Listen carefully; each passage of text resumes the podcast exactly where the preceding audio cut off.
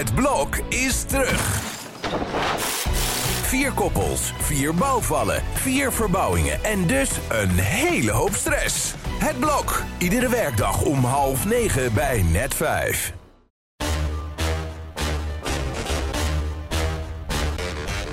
Dit is Strik Privé. De dagelijkse showbiz-update met Evert Zandgoeds en Jordi Versteegde. nou, Evert, ik heb nog nooit zoveel reacties gehad op onze tune. Echt Nou, niet leuk, geloven. hè? Dit is ook niet niks. Stefan Emmer heeft het Boulevard, Journaal en, en, en ons nu. Dat is eh, een mooi cv.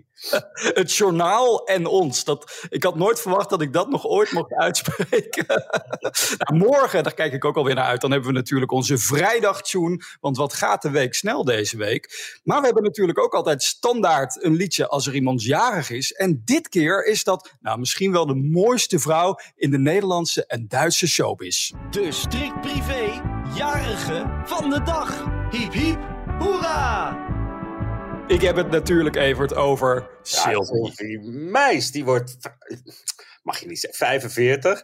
En eh, ja, sorry, Sil. Eh, ze vierde het in Madrid. Daar was ze aan het shoppen. En eh, ja, nou ja, ze heeft gelijk. Ze reist nogal graag. Ze vliegt ook nogal graag. En dat Ja. zal ze wel blijven doen de komende tijd. Maar daar werd ze gesignaleerd. Niet met een meneer deze keer, maar met een vriendin. Dus ik denk dat ze Oh. daarmee de drempel van de 45 overgegaan is. En daarmee feliciteren we haar van harte. Ze komt in een emotionele post ook nog terug op eh, de periode dat het niet zo goed met haar ging. Toen ze op Mhm. jonge leeftijd aan borstkanker leek. Ja, dat weet ik nog. Toen had ik veel contact met haar. En daar was ze destijds heel erg openhartig over. En ja, ook heel dankbaar dat haar toenmalige echtgenoot Rafael van der Vaart zo enorm goed voor haar zorgde.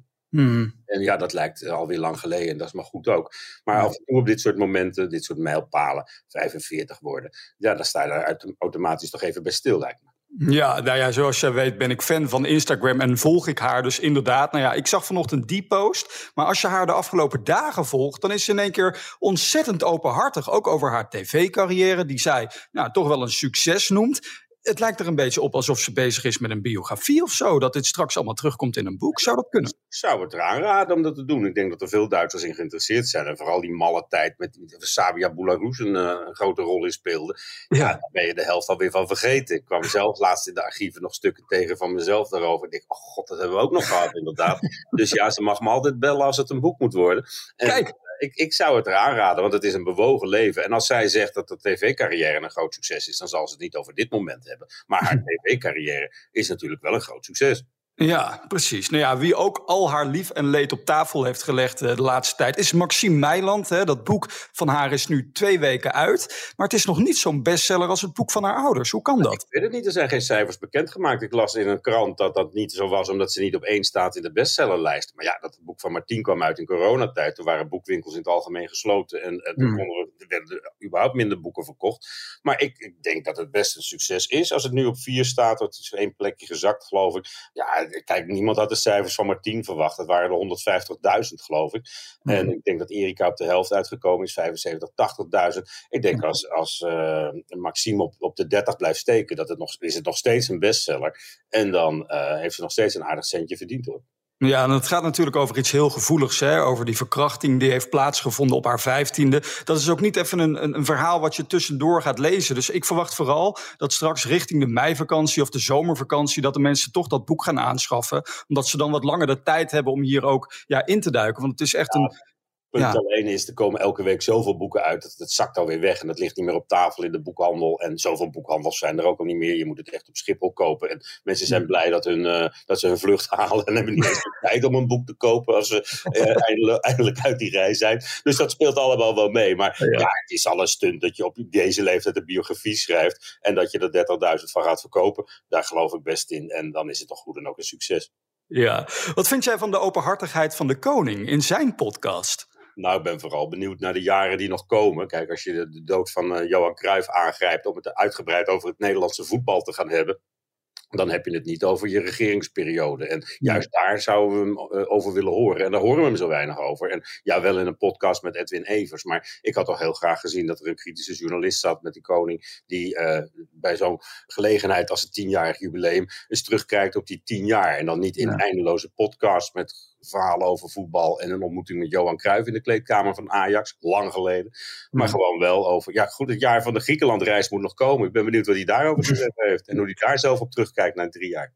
Had eh, Theo Maassen hem bijvoorbeeld dan moeten interviewen? Want dat is de nieuwe presentator van Zomergasten, werd vandaag bekend. was een ontzettende stunt geweest trouwens. Ik verheug me daar heel erg op Theo Maas. Ik vind het een heel verrassende keuze. En, en extra dimensie toevoegen aan, aan zomergasten. Want ja, de presentatoren tot nu toe, de voorgangers van Theo Maas... waren nooit uitgekozen op hun gevoel voor humor. Hè?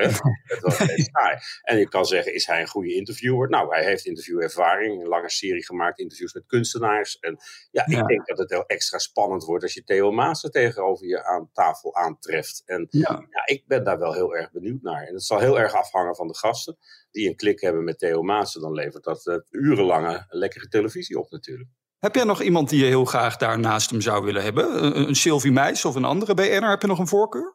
Nee, ik zou eh, dan toch wel iets, iets, iets meer de diepte in willen gaan. Maar Ja. een Erik Scherder of zo, of Oh ja. zoiets. Ja, Ja. Dat, kunt over hersenen natuurlijk eh, alle, alle kanten op. Als je, als je daar, dan kun je ook mensen, eh, gedrag van mensen gaan uitleggen. Dus zoiets. Maar je overvalt me met de vraag. Maar Ja. zo iemand zou ik Ja. wel heel leuk vinden met Theo Maas. Nou, ik ga nog even door met overvallen, want ik weet dat jij het moeilijk vindt om een BN'er genoemd te worden. Maar als jij gevraagd wordt voor zomergasten, zou je er dan gaan zitten? Als ik van de verbazing was bijgekomen, Ja. dan zou ik wel een paar mooie fragmenten weten, geloof ik. Ja, Kijk, nou, ik weet dat Theo Maassen luistert naar deze podcast, dus eh, wat dat betreft. nou, wordt alweer, hij geeft zich op voor zomergasten. Maar dat is ook niet het geval. Tot slot eh, nog even naar het eh, Britse Koningshuis. Want gisteren werd dan eindelijk bekend hoe Prins Harry na de kroning van Charles gaat. Nou, het is dus zonder Meghan. Verbaas je dat? Nee, dat is wat ik eigenlijk al de afgelopen weken gezegd heb. Dat het zo Ja. zou aflopen. En er is natuurlijk wat eh, massage eh, voor nodig geweest om Harry zover te krijgen. Maar het is wel de complete afrekening met Meghan natuurlijk. Als, als, Ja. als Harry daar straks eens een eentje loopt en op het balkon staat, denk ik. Want ja. Nu die er alleen is, staat daar weinig eh, meer in de weg. Mhm. Is dat wel een buitengewoon pijnlijke illustratie van eh, hoe er over Meghan gedacht wordt door de familie. Ja. En dat hij daar dan toch gaat staan, ja, dat is voor de onderlinge verhoudingen. Ik weet niet of dat goed is. Maar het is in ieder geval gelukt om hem zover te krijgen te komen. Ja, ik, ik denk ook als je vader koning wordt, dat het heel raar zou zijn als jij daar dan niet bij bent. Is er dan ergens daaromheen nog een moment dat Charles en Harry met elkaar kunnen gaan zitten? Of, of gaat dat niet gebeuren, denk je? Die dagen, Mhm. dat zou nu moeten. Dan zou die echt een week van tevoren moeten komen. Maar die laatste dagen denk ik dat eh, Charles genoeg aan zijn hoofd heeft. En dan bedoel ik niet eens die kroon. Nou ja, zolang eh, Evert dus niet te gast is in Zomergasten, heb jij thuis de kans om hem vragen te stellen. Tijdens de wekelijkse persconferentie, Evert. Ook na jouw vakantie gaan we daar weer mee door. Dus mocht je een vraag hebben voor Evert, stuur hem in via podcast.telegraaf.nl. En dan zijn we er morgen weer, Evert. Tot morgen!